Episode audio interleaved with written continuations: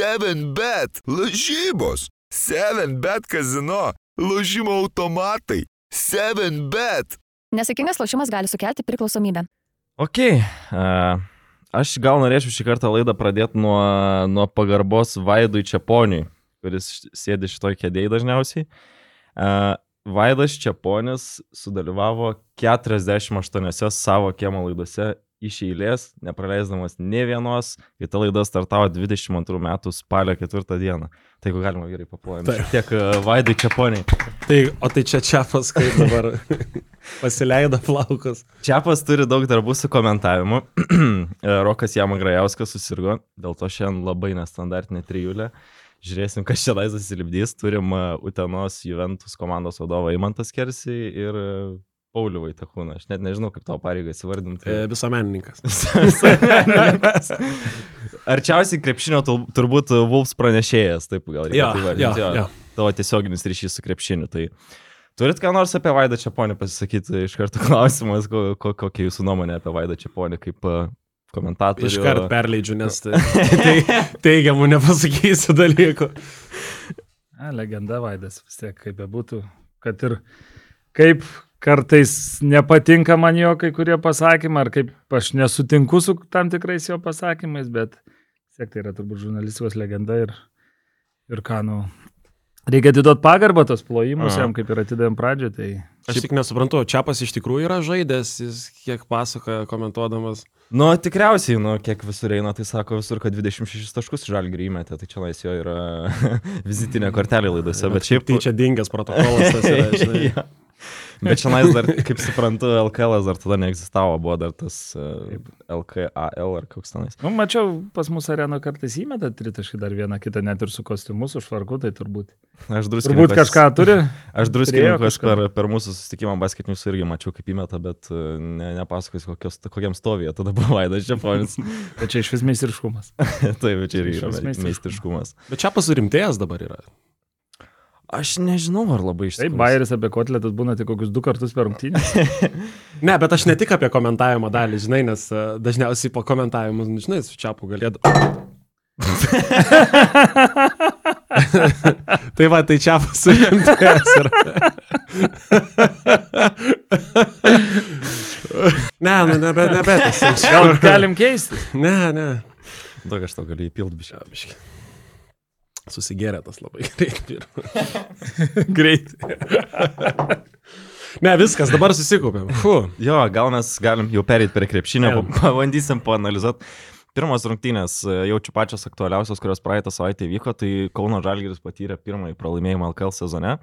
Nus 64-75 nusileido Wolves, tavo mėgstamiausia LKL komanda, kaip suprantu. taip. Tai e, kokios, kokie įspūdžiai jūsų apie rungtynės, E, aš turiu pasirašęs daug punktų, bet gal tokį bendrinį pračią klausimą užduosiu. Tu kolega turbūt čia tavo komanda, tai pradėk jau. Ja, Nu ką aš žinau, nu, šiaip buvo smagu, kad jie laimi. Ne tik dėl to, kad, žinai, dirbi pranešėjai ir panašiai, bet e, y- ypatingai prie pat aikštelės sėdint matęs, kiek stipriai jie ten norėjo ir e, kiek stipriai reiškia jiems tą pergalę ir labai gaila Salaimono. Ir e, daug klausiau jau laidų, nu turbūt viso, visi podcastai, kas darė, žinai, e, apžvalgas apie tas rungtynės. Visi išskyrė, kaip ten žalgeris stipriai nenorėjo. Nu, aš ne, nelabai sutikčiau, kad jie nenorėjo. Iš pažiūro žiūrint, tai žaidė kaip žaidė, nepataikė tikrai gerų metimų kelių. Bet čia jau ne Vulsų bėda, žinai. Mm. Ir, a, nu, tikrai nestatyčiau visko ant to nenoro, nenoro kažkokio nenusteikimo ir panašiai. Tai darbinė tokia Vuls pergalė ir, ką aš žinau, smagu. A, aš vat apie tą pataikymą. Man atrodo iš tikrųjų, kad Wolves turėjo pasirinkę labai protingų rizikų. Čia gal tu, man tai galės daug pak- pakomentuoti, nes ir apskritai šį sezoną LKL nuo Ulanovo atsitraukė, nuo Butkevičiaus atsitraukė, kas yra labai normalu. Bet kol kas šį sezoną, nu, nei Ulanovas, nei Butkevičius tų tritaškių nesumeta. Ulanovo pataikymas LKL 3 iš 11, 27 procentai, Butkevičius 35 procentai, 7 iš 20. E, Apskritai tos rungtynėse 3 iš 21 tritaškio. Tai man atrodo, kad Vulfs labai gerai padarė tos skautingo darbus jau prieš rungtynės atsirinkdami, ką jie gali atiduoti žalgeriui. Dėl to jie ir liko su tai 64 taškais. Na, tai faktas. Tai žinot, jeigu įmeta žalgeris tau kiek 64, taip. Tai jeigu žalgeris tau įmeta 64, tai aišku, kad tu dirbi gerai gynyboje. Tai uždaryti tokią komandą, vis tiek tai yra Eurolygos komanda. Uždaryti ant 64 taškų, tai yra didelis ir labai geras rezultatas, turbūt geriausias, nežinau, jeigu žiūrėtume ir Eurolygą ir, ir LKL, tai turbūt vienas geriausių šį sezoną. Tai reiktų atiduoti duoklę, bet aš visgi gal sutikčiau su tuo, kad, kad Žalgeris, na, nebuvo toks Žalgeris, koks galėtų būti ir aišku, tas turbūt e, tos sunkios rungtynės ketvirtadienį, jos tikrai turėjo turbūt didelės įtakos, nes vis tiek rungtynės su pratesimu Turkijoje emociškai vien, turbūt toks sudėtingas pralaimėjimas, tai faktas, kad Žalgeris, na, nebuvo toks, koks galėtų būti ir koks turėtų turbūt būti, bet tai tikrai nesumenkina vilkų Vilkų pergalės, nes jie tikrai sužaidė gerą krepšinį, jie dabar žaidžia gerą krepšinį, mes patys prieš šio žaidimą, prieš porą savaitėlių, tai tikrai žaidžia gerą krepšinį ir ypač dar, kad e, visas tas lūžis rungtynį vyko be Suleimono. Tai, tai, tai dar Vilkams prideda tokio, tokio, na, pagarbos, galbūt taip galima būtų pasakyti, nes kai prarandi, aišku, lyderį, o žmogus įmetė 15 taškų, jeigu neklystų per, per per 19 ar kiek minučių, kai tu prarandi, taip, per 19 minučių 15 taškų, kai tu prarandi aišku lyderį rungtynėse, tai, na, turbūt yra vienas iš dviejų, arba komanda sugriūna, subyra ir sugriūna, arba komanda dar labiau pasitempia ir, ir na, motivuojasi, gal mobilizuojasi ir pasiekia tą rezultatą. Tai čia Vilkams reikėtų iš tikrųjų tą tokią pridėti didelį pliusą, kad jie sugebėjo mobilizuotis be lyderio. Adas Juškevičius parodė, kad jis yra tikrai aukšto lygio žaidėjas. Šiaip fantastinis įėjimas iš kelio. Ta, tas ketvirtas kelinys Ado ir buvo vienas iš tų kertinių momentų rungtynėse. Tai lygiai taip pat Žemaičio tritaškis pačioj pabaigoje, Karniausko žaidimas. Tai žodžiu, jie rado tų ginklų, e, kurie gali veikti ir be Suleimono ir tai komanda, na, parodo, kad tai yra tikrai stipri aukšto lygio komanda. Mm. Šiaip man yra žavu, ant kiek gali komanda pasikeisti nuo vienos pergalės. Atrodo, vat, komanda kažkur stringa, kažkas jai nevažiuoja, bet pasižiūrėkit, tas vienintelis išsigelbėjimas prieš Bešiktašą, nu atrodė, mes tada ir kalbėjom dar prieš tas rungtynės, čia buvo daug kalbų, kad Kemzūros kėdė karšta, kad čia reikia pildyti tą komplektaciją, kažko pakeis žagarą, bet laimi vienas tokias rungtynės ir tu užsikuri tokiai atkarpai, kad dabar Volsai laimėjo yra septynės rungtynės iš eilės per Europos taurį ir LKL. Tai atrodo, tiek ir tai reikia krepšinėje kartais laimėti vienas rungtynės, kad visa komanda pajustų pasitikėjimą. Gal ne tik, kad, kad tas pasitikėjimas, bet, žinot, ir laikas. Tai mes kalbam dar apie labai ankstyvą sezono stadiją. Tai yra dar tik tai, na, pusantro mėnesio, taip normaliai sezoną praėjo. Ir faktas, kad tai yra nauja komanda ir tikrai yra daug naujų žaidėjų. Ir tam pačiam Turmanui reikėjo tikrai daug laiko įsivažiuoti, bet jis dabar puikiai žaidžia. Ne vienas rungtynės iš eilės. Tai aš gal sakyčiau, taip, aišku, tas psichologinis momentas turbūt jisai stiprus po rungtynių su, po rungtynių su Bešiktašu, bet Bet ir tai, kad komanda lipdosi, tai čia visi turbūt, tai visos komandos pabiškai lipdosi ir vilkai galbūt tai daro, na, sėkmingiau, produktyviau. Na, aišku, dar reikia grįžti prie Žalgirio ir aš gal pradėčiau nuo Kino, nuo Evanso, nes man atrodo, kad visiškai skirtingas žaidėjas LKL ir Eurolyga yra. Bent jau žiūrint ir tą pačią statistiką, tarkim, su Vilkais 25 minutės, 4 taškai, 1 iš 7 metimų, 4 naudingumo balai. Ir šiaip LKL jis įrenka po 8 taškus ir 9 naudingumo balus. Tai pavyzdžiui, jeigu palyginus su praėjusiu sezonu, kai jis irgi žaisdavo LKL, tai jisai ten nu, nebūdavo tiek jau prastas, jisai rinkdavo po 13,5 naudingumo balo, beveik 10 taškų, nu, susiteikdavo komandų tų kokybiškų minučių LKL. O dabar, nu, kai Žalgeris turi tiek problemų gynėjų linijoje ir dar tavo pagrindinis žaidėjas ateina toksai šiek tiek atsipalaidavęs, ar pavargęs, ar dar kokios problemos, nu, sunku pasakyti, kas, kas darosi su Kino Evansu dabar. LKL. Jo, jo, šiaip ne tik dėl Evanso, man gal, šiaip kaip iš fano pusės man gal keista buvo, kad uh, bent jau aš tikėjausi, kad daugiau žais per birutį žalgeris, ypatingai kai Mekovulų gavo greitas baudas ir Gagičius ten jau pabaigoje turėjo baudų prisirinkę ir atrodo pats metas pabandyti, žinai, per birutį. Tai, nu, keistų buvo tokių, žinai, sprendimų ir man gal irgi keistas sprendimas, kad net ne tiek kiek sprendimas, bet iš šalies atrodė, kad nebuvo tokios, žinai, didelės desperacijos tą Evansą ir kišti aikštelę, žinai, bandė Lekavičių, bandė Mitrulongą ir tas Evansas, žinai, nu, išeis, padarys, ne, nepadarys, nepadarys. Mm. Tai va taip iš šono. O gal pasakyčiau taip, kad, na, aš žinau, irgi gal nesu ten didelis krepšinio specialistas, bet man atrodo, kad Evansas ir Mitrulongas yra praktiškai du identiški žaidėjai. Beveik vienodi žaidėjai ir turbūt treneris galbūt pasirinko šį kartą na, daugiau bandyti įvesti į žaidimą, bandyti ieškoti mitrulongų. Nes jis ir žaidė minučių daugiau, ir metimų užsimetė daugiau, ir iniciatyvos ėmėsi. Tiesiog labai paprasta, jie būtų žaidėjai, kuriem reikia kamulio. Jie buvo privalo turėti kamulį, tas pats Lekavičius, praktiškai yra trys žmonės, kurie yra beveik vienodi, kurie visada turi turėti kamulį, o na, kamuolys yra vienas ir jeigu vienas daugiau tą kamuolį turi, tai kitiem atsiranda kažkokios problemos. Tai užtat galbūt šitos rungtynėse tą kamuolį dažniau laikė Mitrulongas, jisai įsimetė daugiau metimų, daugiau kūrė kažką tai ir Evansas automatiškai į šešėlį. Bet ar po šitų rungtynių įsitikino jau, kad Mitrulongas jau yra tas žalgerio lygio žaidėjas? Nes nu, statistika atrodo gražiai - 15 taškų 20 naudingumo balų. Šiaip apie Mitrulongą, žinai, pavyzdžiui, aš atvariau taip gerokai anksčiau jų tas rungtynės, nu man šiaip prieš valandą reikia būti, bet šiaip iš pažiūros žiūrint į jį, nu viskas atrodo super su juo, žinai, jis ir per apšilimą gyvą, Jo, jo, žinai, jis eina kalbina žaidėjų, žinai, ten dalina tuos pitakus. Uh, nu atrodo, nu kas gali būti negerai, bet šiaip ten po vienos iš klaidų, ta prasme, jis ten užmynė šoninę liniją, žinai, pagavo, žinai, mm. bandė prasiveršti, užmynė šoninę liniją ir, nu, iliustruoja Ulanovo toks. nu, žinai, nu atrodo, visi jo laukia ir jis gal net pats laukia, kada jis pradėjo žaisti. Tai Šiaip yra, yra tokių momentų, aš ir pats pagavau save, man atrodo, pirmą tritašį, kai jisai pagavo, mes gavo kampe kamolį. Ir tas toksai, kur tu labai jaudinėsi, matosi, pasiima kamuolį ir dar taip su- sugraibo kažkaip ir tada jau išmeta, žinai, į viršų. Tai Tas labai kažkaip iliustruoja, kad tas pasitikėjimas jo atrodo didžiulis, kad jisai su komandos draugais atrodo su visais sutarė, bet išėjęs į aikštelę jam kažkas dar nu, vat- ne, neprarauna.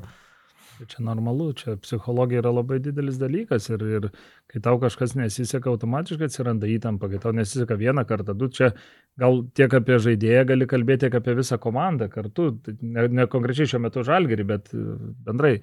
Tai lygiai tas pats, žinot, pralaimi vieną kartą, antrą kartą, trečią kartą, tau kažkas nesiseka, tau pačiam išeini, atrodo viską darai gerai, turi situaciją, meti metimą, bet jis neįkrenta. Nu, ir antrą kartą neįkrenta, trečią kartą pradedi dvėjot, mes ne mes daryti, nedaryti. Tai čia lygiai tas pats žaidėjai tiesiog. Aš sakau, galbūt Kazys ir bandė čia šitose rungtynėse jį kažkaip atgaivinti, duoti jam to pasitikėjimo daugiau. Nu, tik kad kaina turbūt buvo pakankamai didelė, nes patirtas pralaimėjimas. Mm. Bet panašu, kad, tu, žinai, tokių rungtynių reikės ir dar, ir dar, ir dar, kol jis... Aš kažkaip esu labai optimistiškas dėl jo, nors dažniausiai būna, žinai, tokiais atvejais, ai, taip, nu kas čia bus iš jo, nu šiaip aš esu optimistiškas dėl jo, aš manau, kad vienos geros rungtynės ir jis kažkaip praraut turėtų, bet čia gal klystu. Jo, jo. Teko man Stambulė šiek tiek pasikalbėti su Pauliu Jankūnu, tai palėtėm papildymo klausimą ir jisai kalbėjo, kad Žalgeris dabar yra rinkoje, jie žiūri, bet nėra taip, kad jie tenais aktyviai kažkaip darytųsi, nes tiesiog ieško pačio geriausio prieinamo žaidėjo, tie langai Eurolygos dabar yra užsidarę ir jie atsidarys tik tais gruodžio kažkada. Tai įdomus jo toks pasvarstymas buvo, kad kai komanda nežaidžia gerai, atrodo, kad reikia ir toj pozicijai žaidėjo, reikia ir anoj. Pradžiai vis tiek Kazys kalbėjo, kad ieškos grinai brazdeikiai pakaitalo tokio antro, trečio žaidėjo, galinčio sužaisti vienas prieš vieną ir panašiai. Bet dabar, kai turim tokią situaciją, tai ir pats Jankūnas šiek tiek sudvėjojo ir mes turbūt visi dvėjojam, kur žalgriui reikia to papildymo, nes kad jisai bus, tai akivaizdu e, ir kada jisai bus, niekas nežino, bet klausimas, kur reikia pildytis, kaip manot. Čia, žinai, aš e, vienintelį dalyką, ką galėčiau pasakyti, tai e, tikrai nesileisiu į kalbas, ko ten žalgiriui reikia, ko nereikia. Nesu kažkoks paskėlęs ekspertas kaip Lekšas, pavyzdžiui, be, be kokią pavardę. Jo, jo, Lekšas, Lekšas iš tiesų. Bet Bet uh, tai apie Lekšą kažką turi pridėti, ne? pasikėlęs jo irgi sakė man prieš podcastą. Bet šiaip tai tiesiog vienintelis dalykas, kas neramina, tai, nu, tas, mes esame rinkoje, mes žiūrim variantus, tai aš bijau tiesiog, kad, nu, bus prisilaukta paprasčiausiai, žinai. Lauksi, lauksi ir atvažiuos gal ir geras žodės, bet turnyrinės lentelės atžvilgių bus per vėlų, žinai. Tai, Mm. tai, Bet tai, jie turbūt ir neturi varianto kito, ką jie vis tiek negalėtų registruoti dabar, ne iki. Dabar, lango. iš, jeigu iš Eurolygos klubo pirkti, tiesiog negali, nu, nes Nu, tarp negali. Eurolygos. gali, bet ne iš Eurolygos, ne? Jo, gali, bet ne iš Eurolygos. Bet jeigu pasimtų ne iš Eurolygos registruoti galėtų. Taip, taip, taip, bet, nu, Mhm. vėl tai yra klausimas. Tu pasiemi žmogų iš MBA aplinkos, kiek laiko tau jį reikės integruoti. Europos taurės žaidėjas, nu, tai yra žemesnis lygis, sutikim. Jie turbūt nori, kaip ir sakė, kad ieško dabar naudos, kad ateitų ir iš karto žaistų. Tai tokį žaidėją gali gauti tikriausiai tik Eurolygos. paprastai, jeigu tai būtų taip paprasta susirasti žaidėją ir tai būtų lengva, Olimpiakosas turbūt nebūtų išpirkinėjęs Brazeiką ir mokėjęs už jį didžiulės išpirkos. Tai Geras jie būtų pointas. tiesiog pasiėmę žaidėją už įsivaizduoju, kiek sumokė išpirkos, kiek davė Brazeikio atlyginimo, tai visą tą galėjai duoti žaidėjai. Bet jie kažkodėl išpirkinėjo Brazeikį, tai rodo, kad, na, turbūt rinkoje nėra tų variantų gerų, nes Olimpiakusas turbūt ta organizacija pakankamai didelė ir pakankamai, na, išmananti rinkos subtilybės toje vietoje. Tai ko gero, na, nėra taip viskas paprasta ir, ir nėra, ir reikia ir žalgerį suprasti, kad turbūt nėra taip lengva, nors ir turi tos pinigus kažkur sąskaito įsidėjęs, bet, nu, variantų nėra. Mm. Tokių. Norėjau dar pakalbėti, kalbant apie rungtynes, tai apie Kristupą Žemaitį. Man atrodo, kad jisai žaidžia tikrai labai solidų sezoną. Um, kad ir su, su, su Žalgiriu, nu, nebuvo ten kažkokios rezultatyvios rungtynės, bet man patinka, kad Kristupas šį sezoną randa labai daug būdų, kaip būti naudingam. Ir labai spinduliuoja iš tikrųjų ramybę, būdamas aikštelį. Tos rungtynės su Žalgiriu į devynis kamolius nuėmė, kas rodo iš tikrųjų ir energiją jo. Jisai sužaidė 14 rungtynių šį sezoną ir 10 iš jų buvo dviženklis naudingumas. Tai rodo, kad nu, jisai tikrai žaidžia naudingai, išnaudoja tas savo minutės ir Nu, man atrodo, kad jau praktiškai išsprendė su savo žaidimu, bent jau tai, ką dabar rodo, kad nu, nereikia ten kažko iš žagaro vieto, turbūt reikėtų ieškoti priekinį liniją kažkokio papildymo, jeigu jisai bus. Šiaip dėl jo labai smagu, kad jis bent jau mano akim yra atėjęs akivaizdžiai į brandą ir turbūt labai daug žaidėjų yra, kurie susidurtų su psichologiniu barjeru, jeigu, žinai, iškrenta tas pats žagars ir visi jau trimituoja, kaip čia reikia papildymo, tu vis tiek pradedi imti galvą, žinai, pradedi panikuoti ir panašiai, bet jis visą laiką išliko, žinai, labai savo vietą ir nuo pat pirmų sezono rungtynių jis man tikrai vienas geresnių komandos žaidėjų su sprendimų prieimimais ir šiaip, mhm. to prasme, įžaidėjas eina į kovot kamolius ir eina taip, žinai, ne tai kaip tavo atšoka ten iki trajako kamolius, bet jis taip nuoširdžiai, žinai, eina ir renka tos kamolius, tai čia labai smagu šiaip už jį. Nebandėte jau ten nuomotis e, žemaičio, kai čia buvo kalbų? Buvo kalbų, bet, bet kadangi buvo pasakyta, kad nenuomos, tai nieko per daug ir neįsiplėtėme tas kalbas, bet O tų momentų, kai mes ieškojom sezono pradžioje, tai svarstėme įvairius variantus. Kaip jis solidžiai, žinai, taip direktai. Mano žiniomų tenai į baką domėjos. Aš bandysiu įmetinėti karts nuo karto, žinai, gandų. Kaip, pala, kokį jis pastoviai cituoja? Mes jau turėjom peiną užtenka. Žinatelis, aišku, žmogus, bet jau į bakas gal tiek. Ko, koks ten yra, jūs visada cituojat krepšinio žinios? Jo, jo, krepšinio žinios. O tenai į baką domėjos gali rašyti straipsnį. Čia ponė sakė, ne? Moteris pirti. Jo. jo, galim tada iš karto jau čia pereiti prie ryto Neptūno rungtynių. Jau, man atrodo, pripilpėjom pakankamai, pakankamai apie Vilkus ir Žalgirį.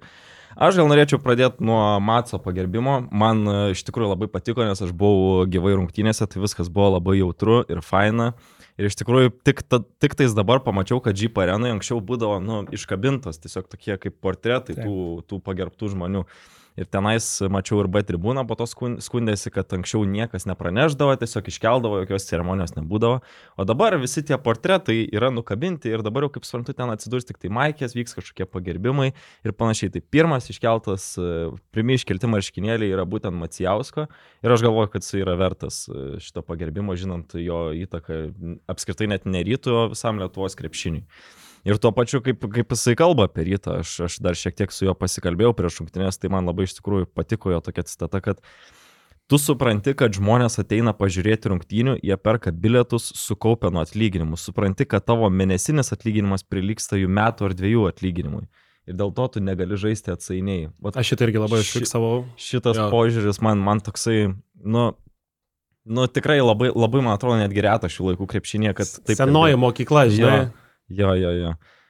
Faktas, aišku, tai yra nusipelnęs žmogus ir turbūt, nežinau, ar yra dar Lietuvoje nors vienas kitas krepšininkas, kurio marškinėlė yra dviejose arenose pakabinti. Nes Matso yra ir Klaipėdoje, ir, ir, ir Vilniuje, tai nežinau, turbūt. Bent jau man nešovė galva ne vienas kitas, kuris galėtų būti taip. Bet faktas, kad tai yra aišku, mes augom turbūt visi žiūrėdami, kaip Matsas žaidžia, kaip, kaip Matsas provokuoja Danilovičių ir visus kitus, tai faktas, kad tai yra aukšto lygio žaidėjas ir jis tikrai nusipelnė savo pagerbimo. Tai nemačiau gaila tų rungtynių, nes mes patys žaidėm tuo metu, bet, bet e, kiek girdėjau, kad va, ir iš tavęs, ir iš kitų, kad tikrai buvo graži šventė ir gražus pagerbimas. Aš tai mačiau, gaila, aš, žinai, kai jis žaidė ryte, tame etape, aš man ten kokie šeši metai gal buvo, tai aš nelabai ką galiu pasakyti, Aš žinai. tikrai neapsimesiu, man 24 Jo. metai. Tai Aš pažiūrė, pažiūrėjau šiek tiek highlightus, pažiūrėjau, Danilovičius ten dengia, ne, kur a, sako, tai kaip pavyko uždengti Danilovičius. Na, aš pradėsiu nuo to, kad iš jo tik vardas ir kontraktas likęs. Šiaip geras intervas ten, bet a, aš labai gerai atsimenu jau šiek tiek vėlesnius laikus, kai jis bausdavo žalgyrį, už ką bet važiuodavo lošti, kaip jis ten dubasindavo. Ta prasme, Bet jeigu, bet jeigu šitą gyvai dar atsimenu, tai blemba, koks aš jau senas. ne?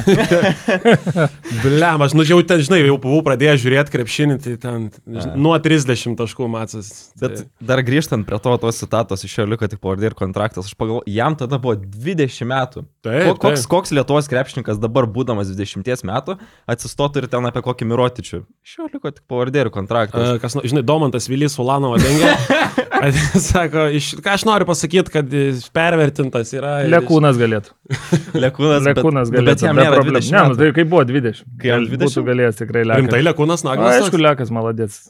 Tikrai galės būti tai pasakyti. Bliamo, bet, nu, aš pasirašiau variantų, bet, nu, visiškai nesitikiu iš jų ten prieitų koks nors ten Paulius Murauskas apie Šengelį.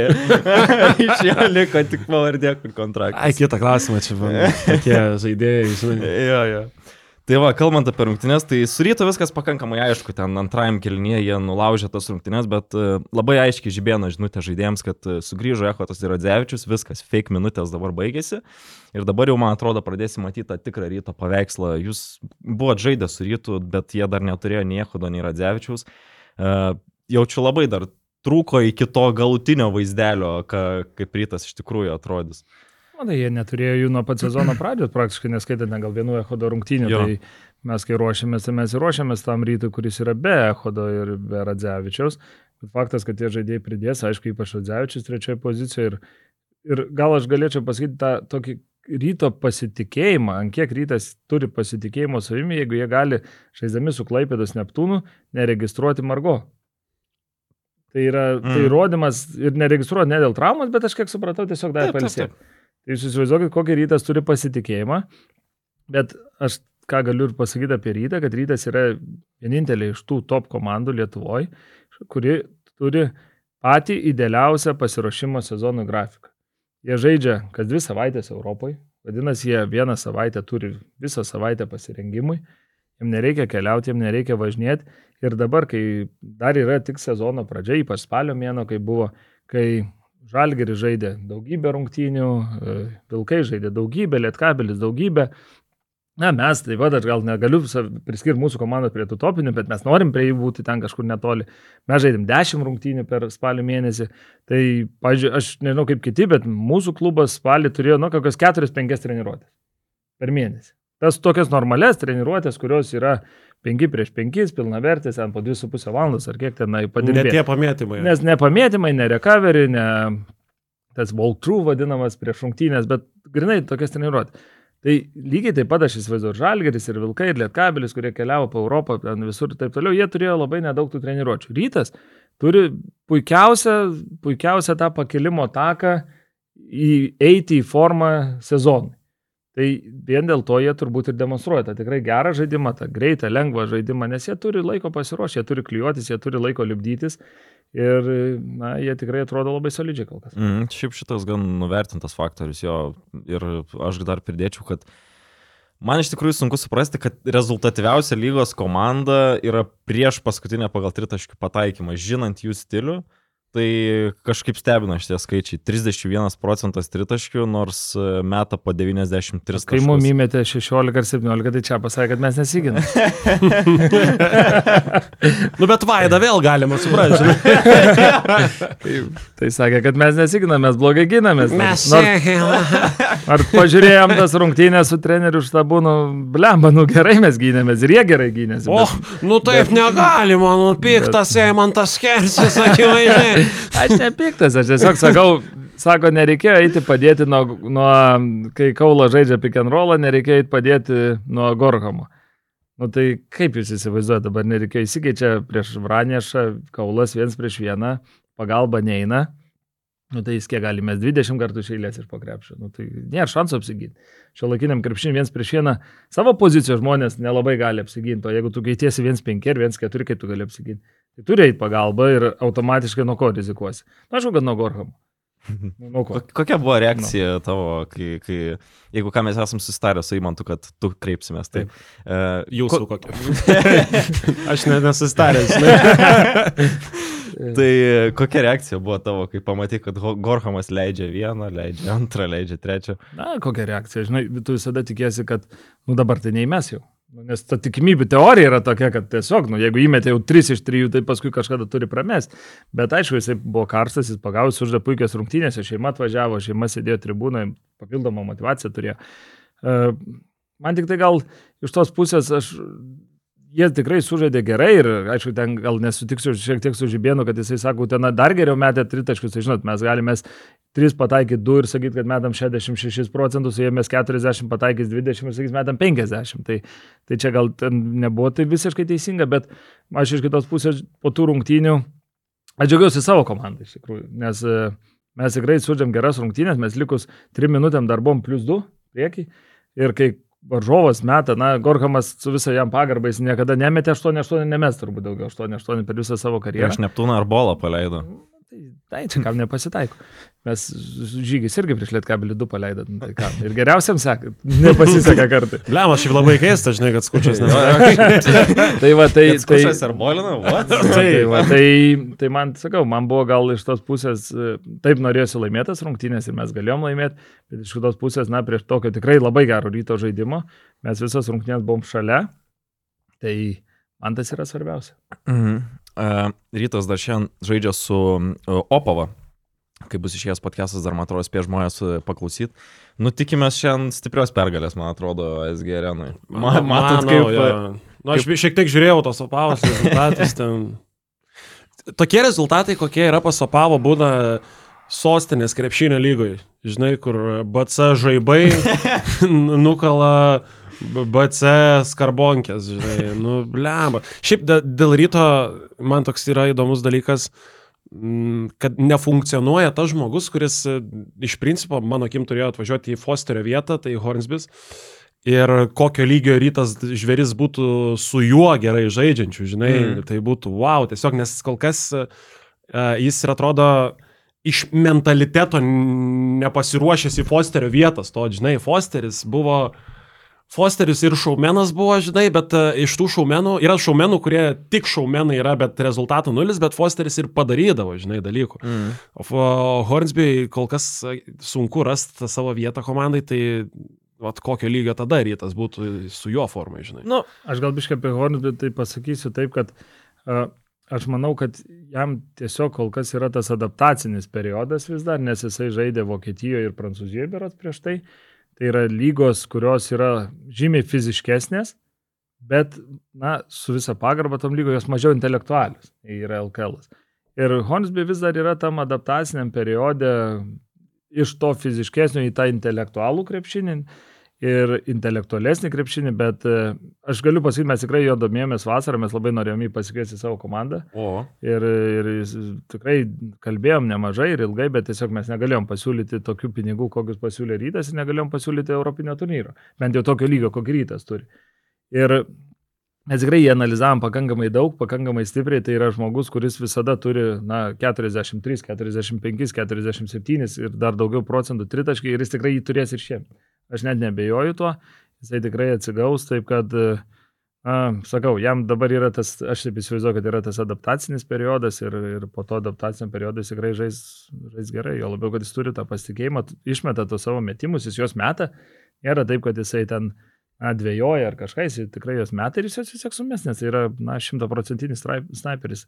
O dar dėl opavos, jeigu grįžtant truputį, tai vėl Vėlgi, ta, tas dalykas, e, kurį minėjau, kad rytas turi labai gerą pasirengimą, tai rytų vėlgi labai sukrito kortą gerai šiuo atveju įvesti į žaidimą Ehodą ir e, Radzevičių.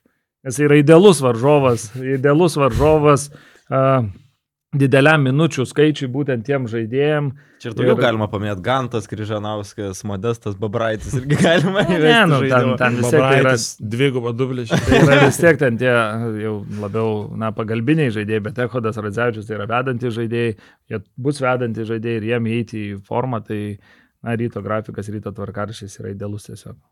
O galima dar kažkaip sumontuoti, kad aš tipo pirmas nulykinčiau, kad Utena domėjos Hornsby ir tada Eimantas pasakė. Ką mes domėjomės, Krepšinio žinias LT. tarp kitko mes domėjomės ir Kaulų, taip kad jie turi du žaidėjus, kuriais mes domėjomės. Mano vasarą, žiniom, tai ne, Juventusas domėjosi ir Kaulu, ir Hornsby. Daugiau sukeiskit. Tai, tai taip, dėja, nepavyko. Dar mūsų finansai dar kol kas neleidžia tokių žaidėjų pasikeisti. Jo, tu užsiminėjai apie tai, kad jisai daro tą tranziciją į intelektualų krepšinį. Man šiaip tas yra keista, nu, nes jam 31 metai. Nu, man atrodo, kad jau 31 metų ateidamas į kažkokią lygą, nu, tu vis tiek jau būni paragavęs visko ir tau nebeturėtų jau būti tokia sunki ta adaptacija. Nu, bet čia, žinai, diskusijos klausimas, man kitas dalykas įdomus. Gedrius Žibėnas spaudos konferencijai pasakė, kad žurnalistai sulaukė, standa... e, tiksliau, žurnalistai pateikė tos standartinius klausimus, dėl to ir atsakymai yra standartiški. Nes čia buvo tokia reakcija į tai, kad ne pirmą kartą klausima apie kitą Hornsby, kodėl jisai nepataiko ir panašiai. Kaip jūs galbūt reaguojat e, į, į, į tas spaudos konferencijas? Ar jums pasigendama kažkokių aštresnių kampų juose, nežinau, geriau formuluojamų klausimų? Kokiam dabar stovyje yra tos e, spaudos konferencijos? Galiu pasakyti, kai aš pats dirbau žurnalistu ir kai tik pradėjau dirbti žurnalistu, dar buvo ta pati pradžia, kai atsirado tos kameros tokios ir mes darydom tos live interviu, žinai, filmuoju viens prieš vieną su treneriu atsistojęs. Ir aš visada galvodu, blemba, žinai, aš uždavinėjau tas pačius tos klausimus, žinai, tą patį per tą patį, sakau, reikia pažiūrėti, ką kiti daro. Žinai. Ir aš įsijungiu MBA spaudos konferencijas ir aš žiūriu, kad jie, nu, tą patį šūdą klausinėja kaip ir aš. tai, tai aš taip supratau, kad kad nevelnio ten to stebuklo niekur nėra, nei to Eurolygo, arba paskui jau, paskui, kai jau, na, šiek tiek jau išvažiavam ir į pasaulio čempionatus ir viską, tai tu stovi prie kolegų iš užsienio žiniasklaidos, viską. Ir jie lygiai tą patį irgi klausinėja. Tai, na, turbūt taip yra ir turbūt taip yra visur, gal treneris tiesiog Gedrius gal toks emocingas žmogus, jisai gal tiesmukas pasako, ką galvoja. Tiesiog taip gavosi, galbūt, aišku, jame nusibodo tie patys klausimai apie tą patį, bet čia turbūt stebuklo neišrasi. Niekada nieko ten. Labai pritariu, aš manau, kad pas, pasikaršiavo absoliučiai žibienas ir, nu tiesiog, ant emocijų, nors ir laimėtos rungtynės, jis nors sakė, nėra patenkinta žaidimų komandos, bet turbūt, kad pasikaršiavo, o jeigu jis rimtai čia taip, tai tada, nu, žinai, čia daug gali pavyzdžių pritemti, aš kiekvieną dieną ateinu ir nusiperku latės toj pačioj vietoj pas tą pačią padavėją, žinai. Tai lygiai taip pat sakyčiau, latės, sakytų, tik kiek tu gali tą latę gerą, žinai. Man atsibodo ją daryti. Nu, tai, žinai, čia yra žurnalistų darbas, tavo darbas yra juos atsakyti. Nu. Būtent čia, čia, žinot, man dėl to visada žiūrint čempionų lygą patikdavo ta Kalsbergo reklama, beros, kur būdavo part of the game. Čia daug kas yra part of the game, tiesiog tai yra Taip. dalis žaidimo, tu turi atsisėsti ir klausinėti, žinot. Tai ar tu esi komandos treneris, ar tu komandos vadovas, na, aš lygiai taip pat išeinu į miestą, susitinki mieste žmonės, krepšinės ir galius parduotuvė ar kažkur ir jie klausinėja tų klausimų, kurie atrodo, nu, iš kažkurios pusės gal ir na, nu, Nu. nėra tokie, kur, nu, bet tai aš žinau, kad jie domisi, aš žinau, kad jie, jiem rūpi. Na ir tu stovi ir klausinėjai, žmona nueina per visą parduotuvę, susirenka, ko jai reikia, aš, aš paskui atinu jau prie kasos. Tu turi spaudos konferenciją prie, prie makaronų. Taip, panašiai ir tu tiesiog turi, turi dirbti tą darbą. Tai aš sakau, ten nemanau, kad treneris norėjo žaisti kažką, tai tiesiog gal, gal kažkas kažkur pasikaršiavo, treneris gal neturėjo geros nuotaikos tuo metu ir viskas. Bet aš, pavyzdžiui, galiu suprasti, kada trenerius, mm, jeigu patiri skaudų pralaimėjimą, žinai, net nebūtinai didelių skirtumų, gal pabaigoje paleidai, tarkim, mačą. Ir a, Čiapas ateina su savo išvalgom, žinai, konferenciją. Bet tai mano him perlaikė Normantą truputį. Žinai, neturi žibas po ranka nieko iš ko mesti. Čiapa, nu, tai tokiu atveju galiu suprasti jo, bet čia turbūt, kad net neverta labai gilintis tiesiog. Šiaip galiu pagirti rytą, aš, pavyzdžiui, nu, visą gyvenimą su Žalgirio fanas, žinai. Nepaisant to, kad tu dirbi Vulfs. Taip, taip, Gali pagirti rytą. Aš, žinok, palaikau visas komandas. Nu, tikrai, man ten nėra labai didelio skirtumo, kas laimės.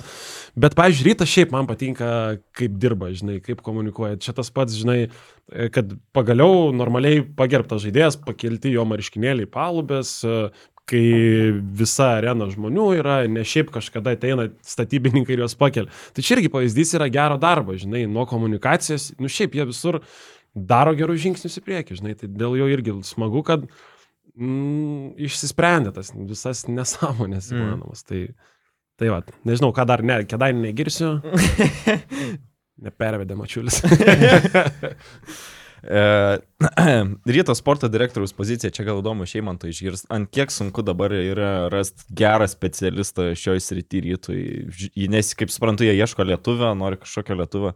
Ir Ar- kiek pačiam buvo pasiūlyta iš Vilniaus. Kiek jo, sulaukia pasiūlymo Aš šiandien. nesu sporto direktorius, aš nekomplektuoju komandos, tai manęs turbūt į tą poziciją nekviesiu niekada niekas. Čia kaip Jonas Vainauskas kažkada sakė, kur nelabai man patinka Jonas Vainauskas, net su labai daug minčių jo nesutinku, bet e, jis tada tą vieną frazę gerą pasakė, kad aš niekada nedirbsiu žalgerį, nes niekada manęs niekas ir nekvies. Tai čia Ai. lygiai tas pats. tai tikrai nieko nesiūlė rytas ir taip Bet jo toliau. atveju tai manau, Bet- jis žinojo, kad nekvies jo. Tai... Tai taip, taip.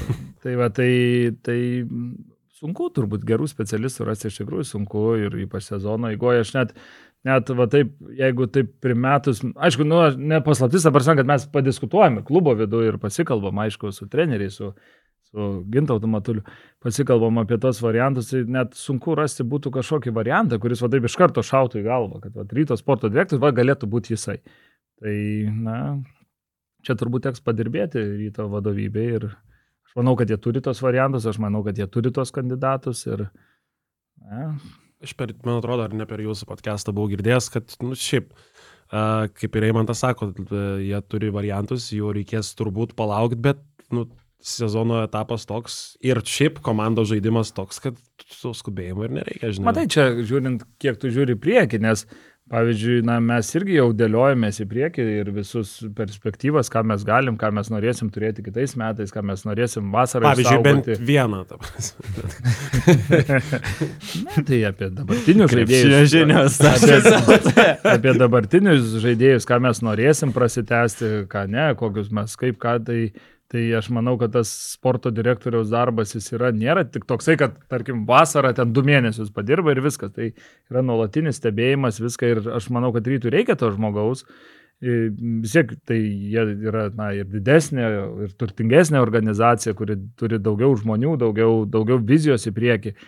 Tai aš manau, kad jiem jo reikia, bet turbūt nėra viskas taip paprasta. Na, vienas sporto direktorius, kiek girdėjau pavardę, dabar mažiekiuose žaidžia, kitas galimas sporto direktorius Kosove treniruoja, tai turbūt nėra tų laisvų žmonių. Tai jie turbūt laukia, kol, laukia, kol grįž kažkuris iš kažkur, tai tada jau galės kontraktų sudarinėti. Tai 7bet lažybos, 7bet kazino, lažymo automatai, 7bet.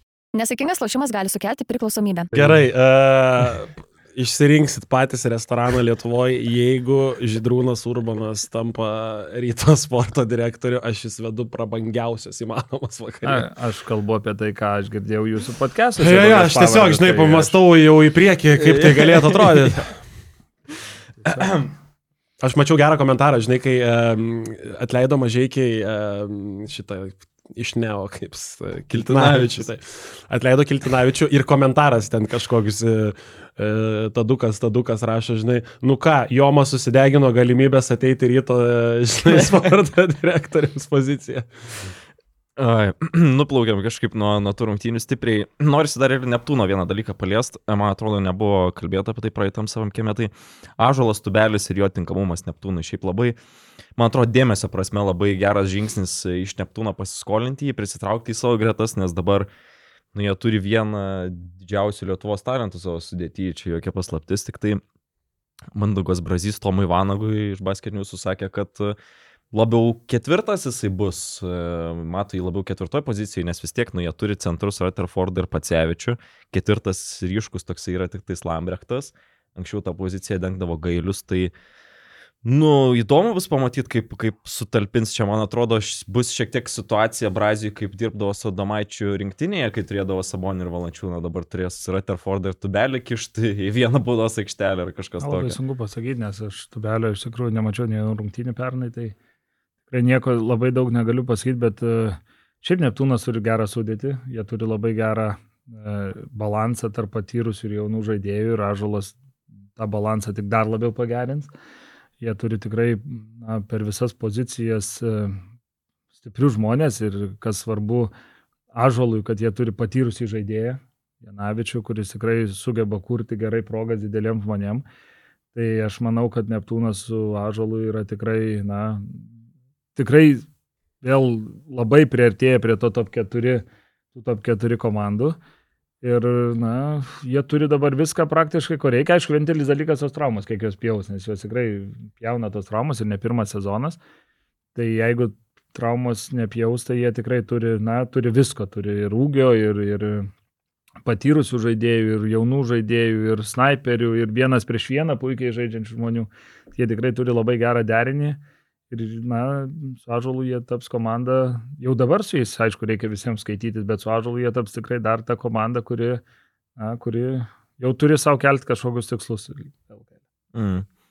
Pereikim prie, prie kitų rungtynių, kurias išskyriau, tai jau Eimantas čia labai daug galės papasakoti, Juventus Lietkabelis. Akivaizdžiai pyko ten Eimantas. Aš visada pykstu, aš, aš nesu, ne, ne, niekada nebūnu ramus, aš visada pykstu, tai gal kartais tai parodo, kartais ne. Aš iš tikrųjų apie Juventus pasirašiau taip. Man atrodo, kad uh, Utenai reikia vienų tokių rungtynių, kokias uh, turėjo Volcai su Bešiktašu. Nu, nebūtinai, kad tenais išsiklostytų taip, kad iš 9 taškų tenais grįžtat per 30 sekundžių, bet, nu, pasimti vieną pergalę prieš stiprią, tikrai stiprią komandą, ar ten Lietkabelį ar Vilkus. Nes dabar jūs pralaimėjot viską top 4 komandom. Bet jūs nugalėjot tą, ką ir turėjot nugalėti, ką planavot nugalėti, taip sakyti. Pasakyčiau, mums trūksta ne vienas pergalės, mums trūksta Raino Taylor aikštelė. Irgi, irgi. Jeigu mes būtume turėję Rainą Taylorą, aš manau, kad na, mes būtume dar arčiau buvę pergalių tiek, tiek galbūt ir prieš jį. Šiaip kokia nu, situacija jo yra? Na, ten tokia slidi, galima sakyti, va šiandien kaip tik ryte turėjo magnetą jam padaryti, pažiūrėtis, vakar jau sportavo pilna jėga su komanda, bet dar jaučia šiokius tokius skausmus, tai šiandien ryte darė magnetą, kol kas nežinau atsakymo, ką, ką ten parodė tas magnetas. Mes įtarėm, kokia tai gali būti problema. Tikrai nepasakysiu dabar mediciniškai, kaip tai turėtų skambėti, nes ne, tikrai nebūčiau teisus turbūt, jeigu pasakyčiau. Ir jeigu ta problema pasitvirtins, na, ten nėra labai sudėtinga tą problemą išgydyti, tai bandysim sutvarkyti. Tai manau, kad jisai, nežinau, rytoj prieš mažiekius ar, ar žais ar ne. Bet savaitgalį aš labai tikiuosi, kad prieš garždus ar garždus, kaip iš čia praeitą kartą sakė, tai turėtų jau, manau, kad tikrai žaisti. Mm. Manau, kad jo labai trūko, ypač trečioje pozicijoje. Čia, aišku, Čiapas vėl galim grįžti, Čiapas čia mūsų tą trečią poziciją kritikuoja visada, kad mes neturim nei vieno trečio. Tai įdomus Kostičiaus manevra. kad mes neturim, neturim tą trečią numerį, tai Rainas tikrai man pridengdavo tą poziciją, nes Sederevičiui na, reikia laiko dar. Jo labiau vėlgi, na, grįšiu prie to, kad mes neturim treniruoti. Mes negalim įvesti visų į sistemą, o tokią sistemą, kokią Kostičius nori žaisti, na mes nežaidėm, Sederevičius bent jau nežaidė nei pernai, nei užpernai, nei prie Židrūno, nei prie Donaldo. Tai yra visai kitokios sistemos ir jam yra sunku. Ir kai mes paliekam Sederevičių trečioje pozicijoje, praktiškai, na, to starto penketo trečioje pozicijoje mums yra, na, yra sunku žaisti prieš topinės komandas kol kas. Tai va, Raino trūksta, bet aš manau, kad dabar turėsim šiek tiek lengvesnius grafikus, gruodį, galbūt galėsim pagaliau padirbėti normaliai ir, ir bandyti įsivažiuoti visi mm. tą ritmą, kokį reikia. Psichologija pas mus viskas gerai, aš nemanau, kad mes turim problemų su psichologija ar kažkokiu ten, kad mums labai kerta per galvą tos tie pralaimėjimai. Tai e, mes, žinot, vasarą, kai formavom komandą, aš čia gal kaip Formulė 1 galėčiau palyginti, nes labai mėgstu Formulę, žiūriu dažnai, tai E, jeigu mes praeitais metais turėjom bolidą, kuris atsilikinėjo sekundę, tarkim, nuo lyderių, tai mes dabar turim bolidą, kuris atsilieka, na, kokiam 30-osiamis nuo lyderių, bent jau ką rodo rezultatai. Ir jeigu mes dar kažkokioje vietoje, na, sugebėsime šiek tiek atnaujinimą kažkokį padaryti, kažką va, susiklyjuoti treniruotėse geriau ar ką, mes tą atsilikimą galim sumažinti ten iki vienos ar pusantros dešimtosios. O tokiu atveju jau mes lauksim lyderių klaidos. Kai Aš... lyderiai kažkur suklys, tada mes busim šalia. Kadangi noriu tenos pranešėjų tapti, tai pritarsiu Eimantui. ne, šiaip, žinai, visada man, pavyzdžiui, tena asocijavo su tokia komanda, kur mm, atvažiuoja kažkas iš grandų, žinai, ten žalgeris rytas ir, ir tu visada žiūrėsi tas rungtynės, nes tiki, kad gali, kad gali juos utena pagaudžinai. Visų pirma, pirm, pilna salė dažniausiai būna, kai atvažiuoja didelė komanda ir apie tai netgi treneriai kalba. Čia kas po rungtynių pasakė, kad e, visą laiką rungtynės utenoje būna ypatingos. Na, džiaugiuosi iš to, pavyzdžiui, ta pilna salė, tai tikrai, nes šiais metais mes tikrai turim rekordinius bilietų pardavimus į rungtynės, tas, na, tas rungtynės su Lietkabeliu, Rytų, Žalgeriu, na, Žalgeris gal visada soldautai būdavo, bet su Rytų, Lietkabeliu mes tikrai niekada nesam rinkę tiek žmonių.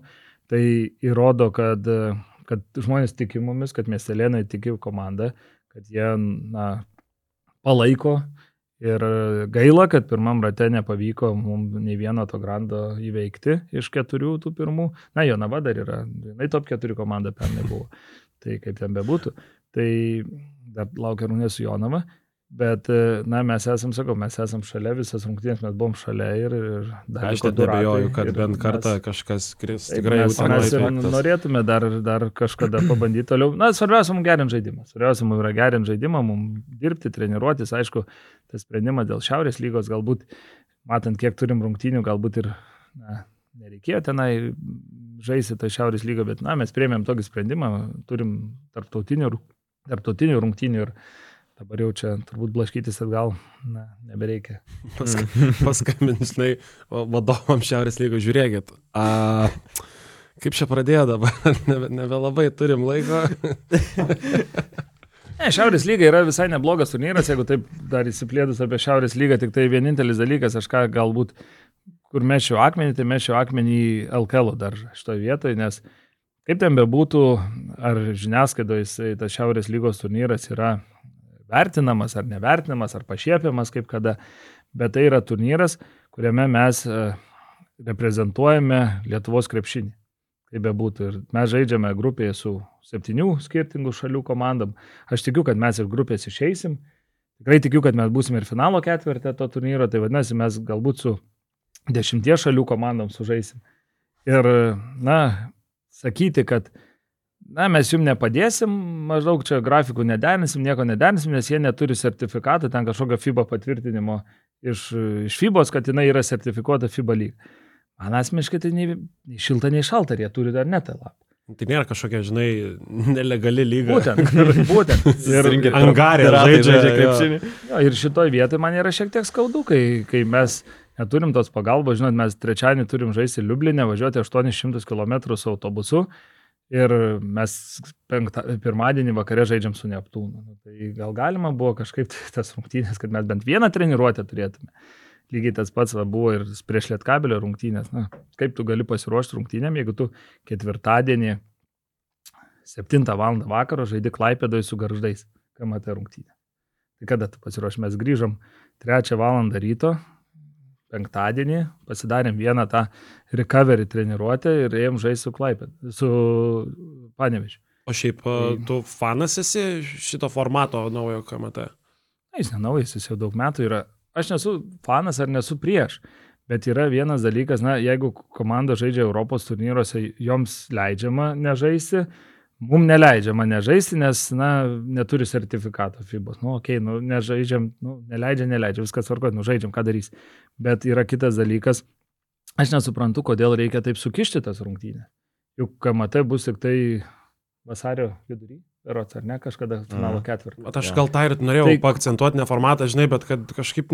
Mes nu, žiauri dabar, daug dabar tų KMT. Dabar mes, žinai. E, va, šiandien yra 14, rytoj 15 ir kitą savaitgalį, tai 22 dieną, turbūt kitą trečiadienį mes pabaigsim jau tą grupės etapą.